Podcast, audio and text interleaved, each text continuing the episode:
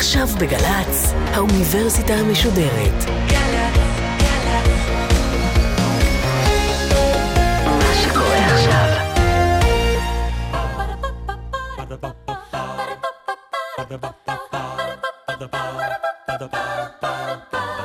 האוניברסיטה המשודרת מציגה מבוא ל עם קובי מידן והסמסטר טקסטים מכוננים של הישראליות והפעם שיחה עם הפרופסור דן לאור מאוניברסיטת תל אביב על סלמנדרה מאת קצטניק עורכת ראשית מאיה גאייר שלום לכם. כך מתחיל הספר שבו אנחנו עוסקים היום. הארי פרלשניק היה הארי פרלשניק, כשם שכל אדם הוא מאן דהוא, עם שם משלו, תווי פנים משלו ודמות גוף משלו, כי חוק הטבע הוא, אף כי כל בני האדם נוצרו בצלם אחד, אין קלסתרי פניהם דומים זה לזה. כך מן הראוי להתחיל בסיפור חייו של הארי פרלשניק. אלא שכל האמור לאל היה שריר וקיים, עד אשר פלטה הרכבת את הארי פרלשניק אל תוך פלנטה אחרת. כך נפתח הספר סלמנדרה, שבו אנחנו עוסקים היום. עבור לא מעט אנשים סלמנדרה היה המפגש הראשון והמזעזע עם המקום שמייצג אולי יותר מכל את זוועות השואה, את מחנה ההשמדה אושוויץ. יחיאל דינור, זה שם האיש שכתב, אבל הוא מוכר יותר בשם העט קצטניק.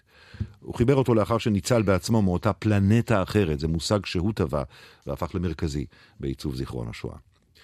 על סלמנדרה, על עיצובה הספרותי של חוויית הזוועה, ועל קצטניק נדבר עם הפרופסור דן לאור, מבכירי חוקרי הספרות העברית. מבין פרסומיו הרבים מאוד מאוד נזכיר ככה, על קצה המזלג את הביוגרפיות המונומנטליות על עגנון ועל אלתרמן, הוא היה ראש החוג לספרות עברית והדיקן של הפקולטה למדעי הרוח באוניברסיטת תל אביב. שלום הפרופסור דן לאור. שלום.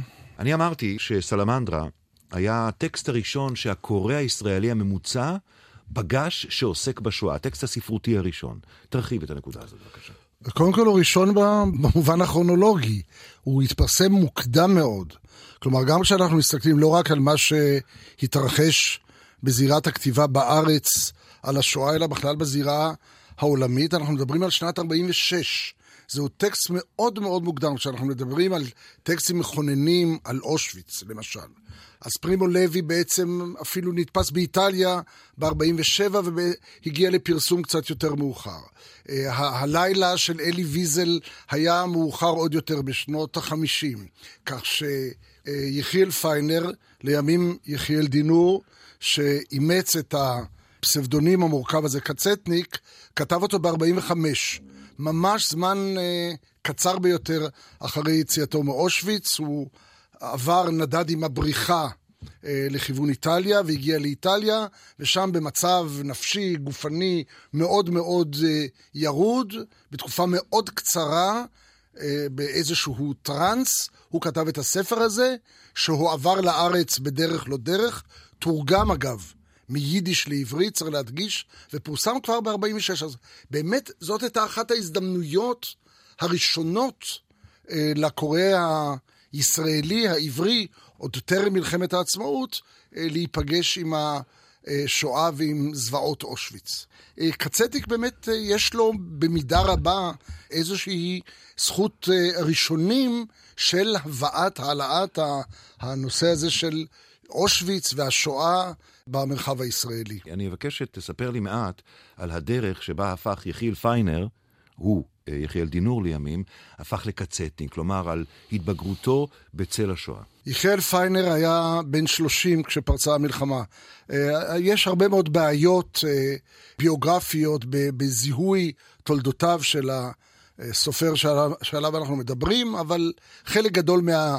הבעיות האלה נפתרו בשנים האחרונות, בחלקן או בחלק גדול מהן על ידי חוקר תרבות יידיש יחיאל שיינטוך, שהקדיש הרבה מכוחותיו לנושא הזה, יש אפילו תעודת לידה, הוא נולד בסוסנוביץ' בדרום מערב פולין ב-1909, כך שהוא בן 30 כשהמלחמה פורצת. חשוב לציין שהוא חי חיים שלמים לפני השואה. זה משנה, למשל, אלי ויזל הגיע לאושוויץ, שעליה אנחנו מדברים אה, כנער, אותו הדבר לגבי אמרי קרטש. אה, גם פרימו לוי הגיע כאדם בוגר. כלומר, התגובות השונות של הסופרים השונים ביחס לחוויה הזאת של, של השואה בכלל ואושוויץ בפרט, תלויות במידה לא מבוטלת בפרדספוזיציה של כל אחד מהם.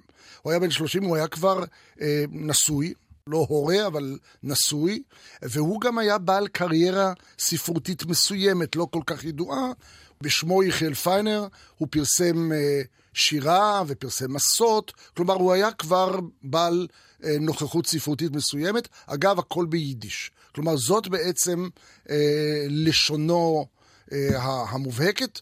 אה, לימים הוא נעשה מה שנקרא סופר דו-לשוני, והכתיבה שלו היא גם ביידיש וגם בעברית. עכשיו, המלחמה מתחילה בספטמבר 39, אה, הוא מתגורר בסוסנוביץ', אה, הוא חווה את כל החוויה הקשה מאוד של הגטו בחבל זגלמביה, שזאת פרשה בפני עצמה שלא ניכנס לפרטיה, אבל גם הפרשה הזאת, אגב, זוכה לביטוי מאוד מפורט בסלמנדרה. אנחנו מזהים את סלמנדרה ובכלל את קצטיק עם אושוויץ, אבל זה לא מדויק, כיוון שיריעת התיאור שלו אה, הרבה יותר רחבה והרבה יותר מגוונת אה, מכפי שלפעמים אה, מקובל עכשיו. והוא חווה קודם כל את, ה, את השואה שם, בגטו, אלה שנים מאוד מאוד קשות. אפילו הייתה כנראה איזושהי פרשה שיש לה ביסוס עם אדולף אייכמן, שבנסיבות מסוימות אה, מגיע לקטוביץ, אה, לקצטניק הייתה איזושהי אשרת אה, יציאה להונדורס, שלא ברור בדיוק איך הוא השיג אותה, וכנראה אייכמן כאחראי על האזור אה, ראה אותו, קיבל אותו במשרדו, וקרא את האשרה לגזרים. באוגוסט 43, אחרי חיסול הגטו, הוא מגיע לאושוויץ, והוא נמצא באושוויץ עד השחרור. זה, זה נחשב פרק זמן עצום, זה מעורר המון שאלות איך הוא בכלל שרד שם. אנשים לא שרדו באושוויץ תקופה כל כך ארוכה. בכל זאת הוא היה באושוויץ מאוגוסט 43 עד, ציינו לא מזמן את יום השואה הבינלאומי, יום שחרור אושוויץ, והוא משתחרר עם המחנה, וכאמור נוסע לאיטליה, ומיד לאחר כתיבת סלמנדרה, אפשר להגיד נופל האסימון, וכשהוא נשאל על ידי אליהו גולדנברג, שהיה האיש שהוליך את כתב היד לארץ, מה לכתוב, מה, מה השם, אז הוא אומר, תכתוב קצטניק, שזה בעצם השם של הלועזי של אסיר המחנה, ומאותו רגע בעצם הוא, אפשר להגיד, ממציא את עצמו מחדש כאיש המחנה. נסביר שקצט זהו הבלוק או הצריף שבו הם היו, קצטניק עם מין סיומת כזאת קיבוצניקית, רוסית כזאת, זה איש המחנה בעצם, וזה השם שהוא בוחר לו. זה הרבה יותר מפסבדונים. אחר כך הוא בעצם טוען וגורס וגם נותן לזה ביטוי בכתב, שבעצם קצטניק כאילו נולד. או נולד מחדש באושוויץ, כאשר האיש שקלט אותו אה, חרט את, אה, את המספר על, ה, על היד שלו. אגב, במשך הרבה מאוד שנים, אחר כך זה גבה, הוא היה מפרסם את שמו קצטניק בלוויית אה, המספר שהיה מקועקע על זרועו. נדמה לי שבקטע הבא שאני אקרא מתוך סלמנדרה, יש התייחסות לכך.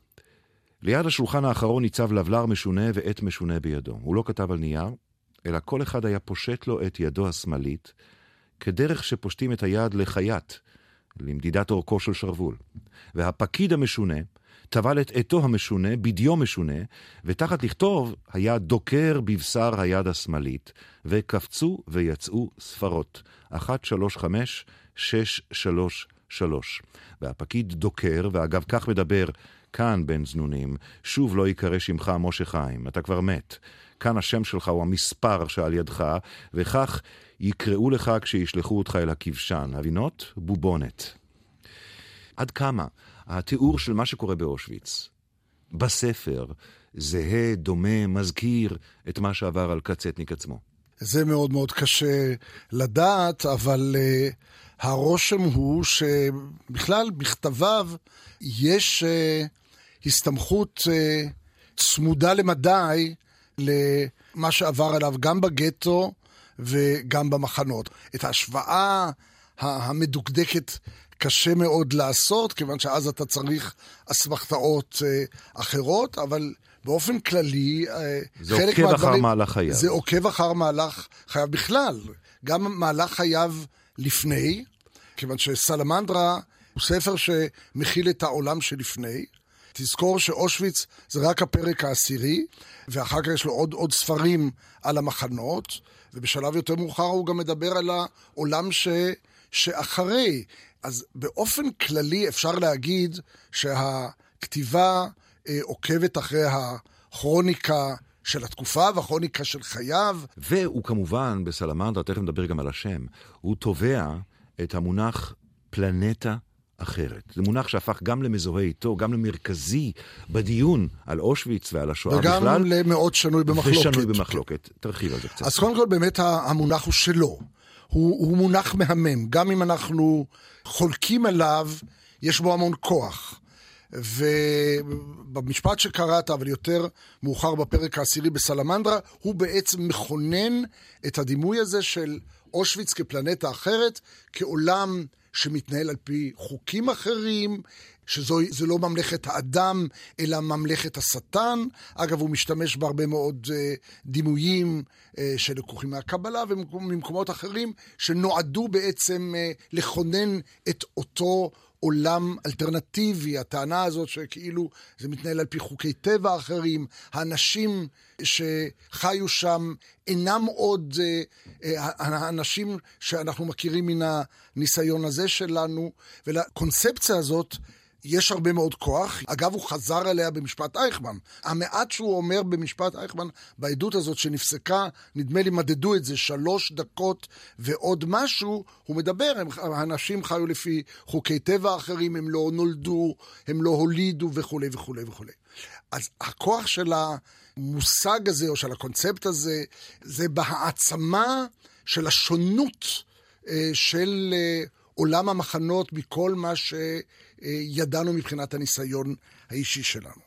הוויכוח והביקורת כלפיו הייתה שהוא, למשל, בניגוד לפרימו לוי, כאילו החריג את האירוע הזה מן הניסיון האנושי, ובאיזשהו מקום שחרר אותנו מן האחריות. נאמר, זה הקוטב השני של הציר, שבצד השני נמצאת חנה ארנדט, שמדברת על הבנאליות כן, של כן, הרוע. בדיוק כך, או למשל באמת פרימו לוי, שבריאליזם שלו, ב, ב, בתפיסה האנליטית שלו, ב, ב, בפיכחון המרשים שלו, ובאמת בעמדה שלו הבסיסית כאיש מדע.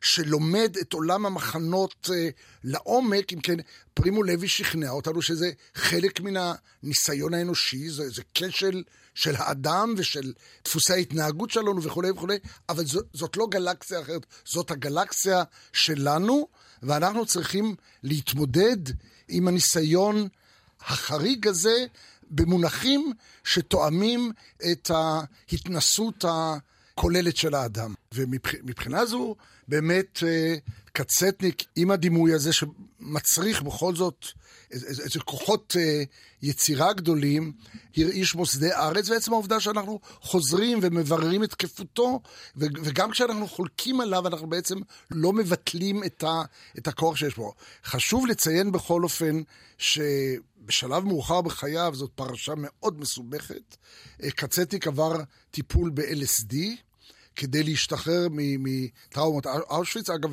לפי דעתי וידיעתי, אפשר לומר שזה חיסל לחלוטין את כוחות היצירה שלו. הוא כתב על כך ספר, אה, ספר מאוד אה, קשה, בשם צופן אדמה, אה, פורסם ב-1987. זהו בעצם הספר האחרון שלו, הוא חי עד 2002 ולא לא כתב בעצם משהו שאנחנו יודעים עליו. ובספר הזה הוא מספר ואחר כך הוא חזר על הדברים בצורה עוד יותר אה, ממוקדת בריאיון שהיה לו עם רם עברון בטלוויזיה, ואפשר אה, להתחבר לריאיון הזה. אה, הוא, הוא מספר שבמהלך הטיפול זוועות אושוויץ חזרו אליו, והוא ראה את הדברים מחדש, וחווה חווה את הדברים באופן אחר, והוא באיזשהו מקום מגיע למסקנה שאושוויץ זה כאן. ואושוויץ איננה ממלכת השטן, אלא אושוויץ היא בשליטת האדם. כלומר, הוא, הוא עצמו בעצם אה, עובר צד בוויכוח, למרות שהמונח, שה, אני חושב, פלנטה אחרת, כן. ימשיך אה, להתרוצץ במילון שאנחנו עושים בו שימוש ביחס לשואה. אה, עוד, עוד מילה אחת, פרופסור אה, דן לאור, לפני שנעבור להתקבלות של הספר הזה. למה הוא קורא לו סלמנדרה? הוא בעיקר מת, מתייחס ל, לסיפור מיתולוגי שמספר על, על זן מסוים של לטאה בשם סלמנדרה, ששורדת אה, באש כך וכך שנים. כלומר, כנראה זאת איזה סוג של תכונה שטבועה באותה לטאה, ואני חושב שהשם משדר את המסר הזה של, ה, של ההישרדות. כלומר, אה, קצטניק אה, שרד את התופת ורואה את עצמו כנותן עדות על מה שראו עיניו. והעניין הזה גם, גם חוזר אה, בצורה מאוד מאוד אה, אינטנסיבית בספר עצמו. וצריך לומר עוד דבר, אני חושב, שהוא לא חוסך תיאורים. גם בספר הזה. בוודאי. כן.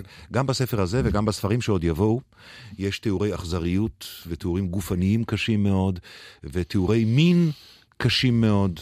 זה חלק מהאידיאולוגיה של לספר הכל. במובן מסוים כן. כלומר, זוהי האידיאולוגיה, זוהי האסתטיקה וזוהי השפה. מדברים סביב השואה, הוא לא היחיד, באיזה ריאליזם עבה, או מדברים על פואטיקה אה, של, של בחילה, או פואטיקה של זוועה.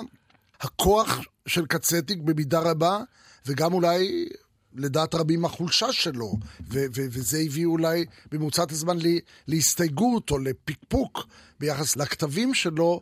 הכוח נובע מזה שהוא אה, מנחח את עצמו עם, עם הזוועה, עם, עם מצבי, אפשר להגיד מצבי קצה. כלומר, העניין של, של סדיזם, של עינויים, אה, של חשיפת המוזלמן, התייחסות למצבים של, של ניצול מיני. כלומר, כל מצבי הקצה אה, נוכחים בכתיבה שלו על המחנות בצורה מאוד קדושה ומועצמת. וכשמדובר על אה, תיאורים גרפיים, הנה אחד מהם מתוך הפרק העשירי בסלמנדרה. הארי יצא מן הקרון ועמד תחתיו אצל אישה שהומתה בירייה. ומיד פגע בו מבטו של אחד ממלאכי החבלה, השולטים בפלנטה. אותו המבט פקד עליו, שייטול את האישה הירויה, ויישאנה אל ערימת המתים המוטלים לא הרחק מזה. הארי תפס את האישה בזרועותיה, ואיש אחר ברגליה, אך אי אפשר היה לסייתה. האישה החליקה מתוך ידיו. כדורי הירייה עקרו את שני שדיה, והדם הציף את הגוף. ככל שיגע לאחוז בה בחוזקה, כן החליק הגוף ונשמט מתוך ידיו. זה קצטניק.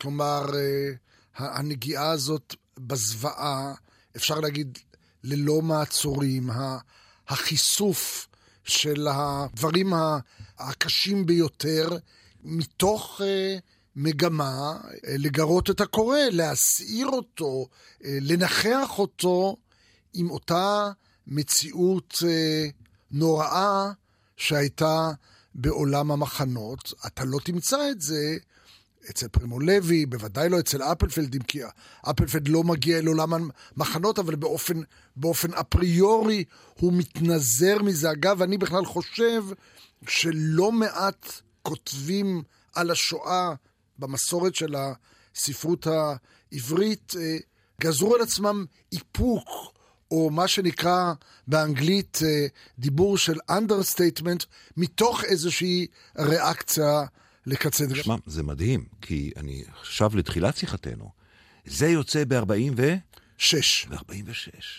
לא רק שלא שמענו עוד את השם אושוויץ, לא רק שאנחנו עדיין לא סגורים עד הסוף על מה שקרה, ובוודאי לא מעכלים את מה שקרה, הנה יוצא הספר הזה, שגם התיאורים בו הם כאלה שאחר כך ספרות השואה עוד תימנע מהם, יהיה עליהם טאבו במשך שנים רבות. אז, אז מה קורה כשהספר הזה יוצא כאן? כשהספר הזה יוצא, הוא נוכח מאוד. אתה צריך לזכור, באותן שנים אה, זהו, זהו איזשהו קונטרפונקט לפרסומים שהיו לא מעטים אז בארץ, על המרד, אה, על המחתרות, ופה אה, קצטניק מביא את התובנה שלו ואת השפה שלו ואת עולם הדימויים שלו, וכן גורם ל... לזעזוע. אתה, קודם כל יש זיכרונות של קוראים, אתה מדבר על אנשים שגדלו בשנות ה-50, ה-60 בארץ, אבל בעיקר... אני חושב שהשנים במרכאות הגדולות של קצטיק, מבחינת הנוכחות שלו, מבחינת היציאה שלו למרחב, זה מ-46 עד אחרי משפט אייכמן, 61. 15 השנים האלה, כותבים על זה בעיתונים, נגיד ב-46-7, יש כ-15 רשימות עיתונאיות או רשימות ביקורת על הספר הזה, ובהן מדובר על כך שזוהי עדות מזעזעת, על עולם נורא. שלא ידענו מה טיבו, ועכשיו הוא שב ומתגלה לפנינו. למשל, אביא דוגמה אחת, אה, גרשום שופמן, הסופר, מוציא מאסף של סופרי ישראל בשם מעט מהרבה ב-1946, עוד לפני שסלמנדרה אה, יוצא לשוק הספרים, ושם הוא מכיל את הפרק העשירי מתוך הספר כמעין קדימון, ובהחלט מדבר בצורה מאוד אה, נפעמת על, ה, על העוצמה של הטקסט ועל ה, על חשיבות הגילוי של העולם, ומתוך הערכה מאוד עמוקה אה, לכתיבה של קצטניק. הדברים כן עוררו תגובות והתרגשות, והספרים היו נפוצים, אבל אפשר להגיד שהממסד הספרותי, בתור שכזה, לא ממש אימץ את קצטניק, גם בזמן אמת ובוודאי לא אחר כך. אחר כך הגיעו גם הרבה מאוד חלופות, היו אופציות אחרות. כן, אחר כך הגיע אפלפלד, למשל, הגיע אפלפלד, וחיים גורי כותבת uh, מול תא הזכוכית, ויש גם סופרים ילידי הארץ, כמו קניוק ו- וברטוב, שגם הם כותבים על השואה, ויש ספרות שואה מתורגמת ב-65, יש לך כבר את הלילה של אלי ויזל. ואתה תוחם. את, את השנים שבהן ההתקבלות הזאת הייתה משמעותית במיוחד, אה, בין פרסום הספר לבין משפט אייכמן. אה, למה אתה תוחם את זה עד למשפט, עד לעדות? אה, קצטניק חתם בעצמו איזושהי פאזה בחיים וביצירה שלו עם משפט אייכמן. ציבורית, איש לא ידע בעצם, אולי חוץ ממעטים, מי הוא מי. אני רוצה שנשמע קטע ומשם נמשיך. מה הסיבה שבגללה חסית בשם הספרותי קצטניק, מרדינור? זוהי כרוניקה מתוך הפלנטה אושוויץ.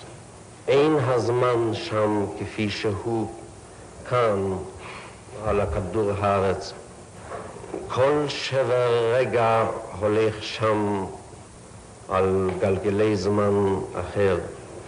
לתושבי פלנטה זאת לא היו שמות, לא היו להם הורים ולא היו להם ילדים. הם לא לבשו כפי, כדרך שלובשים כאן.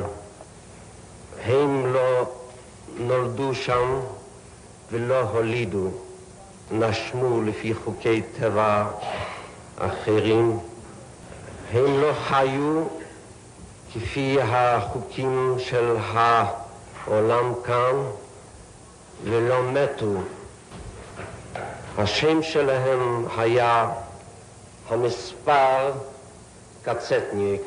זאת העדות, היא מזכירה לנו במידה רבה את התמונה אה, של הכניסה לאושוויץ אה, אה, בפרק העשירי של אה, סלמנדרה. כלומר, באמת הדגש על זה שאנחנו נמצאים בפלנטה אחרת, ובאיזשהו תהליך שאפשר אה, להגדיר אותו כטרנס, הוא לאט לאט מתחבר אל העולם הזה, וממשיך לדבר בשעה שהתובע הכללי, היועץ המשפטי, האוזנר, וגם השופטים, בעיקר לנדאו, קוראים אותו לסדר. ואחת הטענות של שושנה פלמן, חוקרת אה, ספרות ישראלית שפועלת בארצות הברית, כתבה ספר שלם, כמעט ספר שלם, על העדות שלו ועל חלקו במשפט אייכמן ו- ועל סיבות ההתפרקות שלו.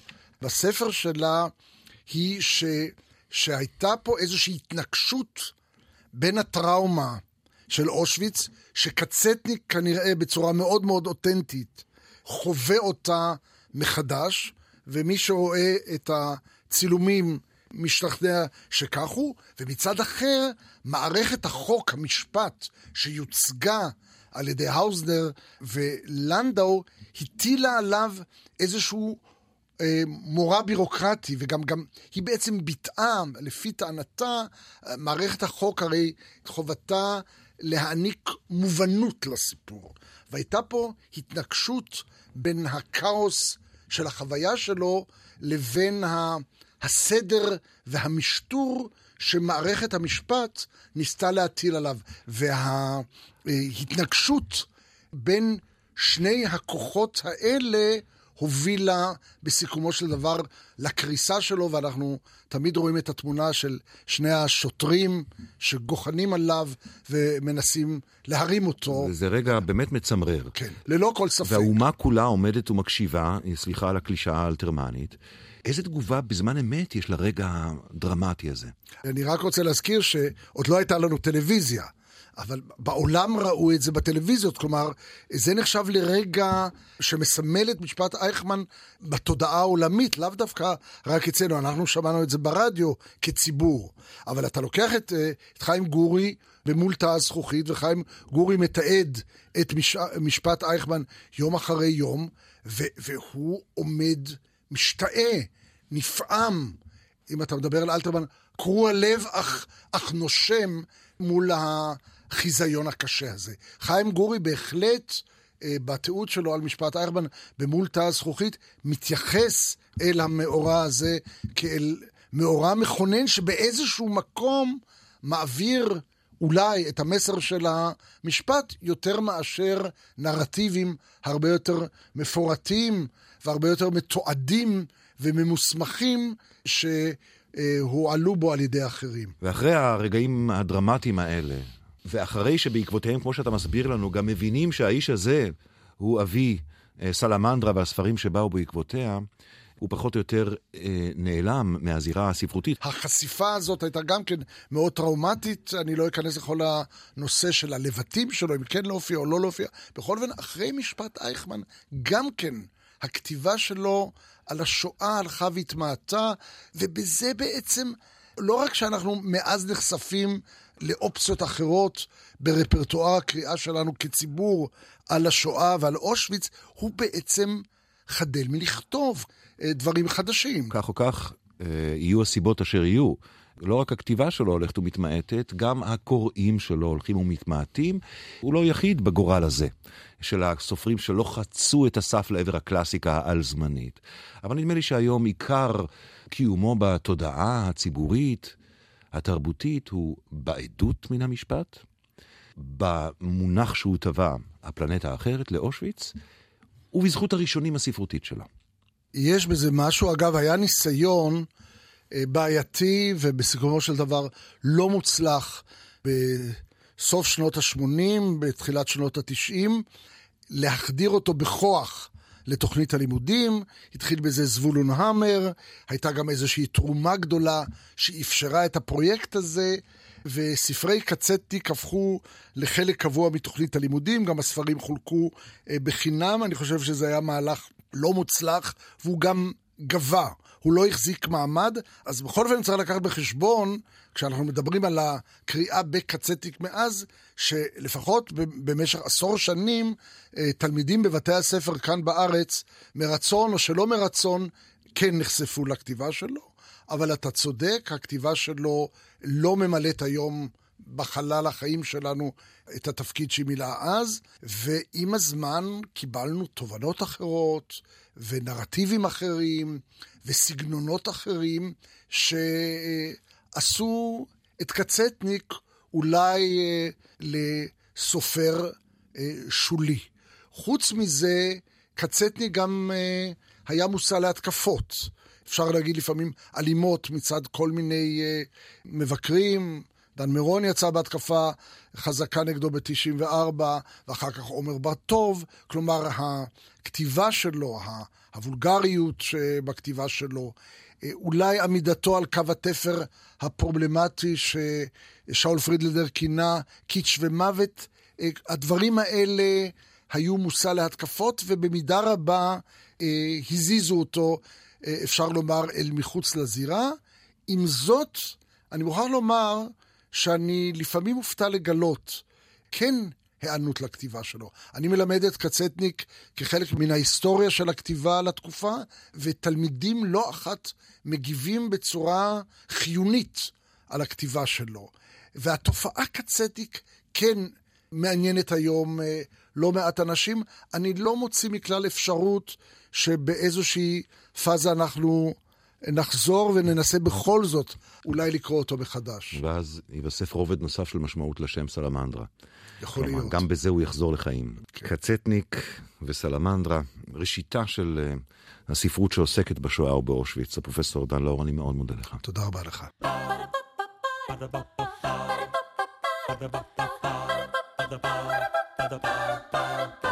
האוניברסיטה המשודרת, מבוא ל... קובי מידן שוחח עם הפרופסור דן לאור מאוניברסיטת תל אביב על סלמנדרה, מאת קצטניק. עורכת ראשית, מאיה גאייר. עורכת ומפיקה, מיקה נחטיילר. מפיקה ראשית, אביגיל קוש. מנהלת תוכן, מאיה להט קרמן. האוניברסיטה המשודרת, בכל זמן שתרצו באתר וביישומון של גל"צ, וגם בדף הפייסבוק של האוניברסיטה המשודרת.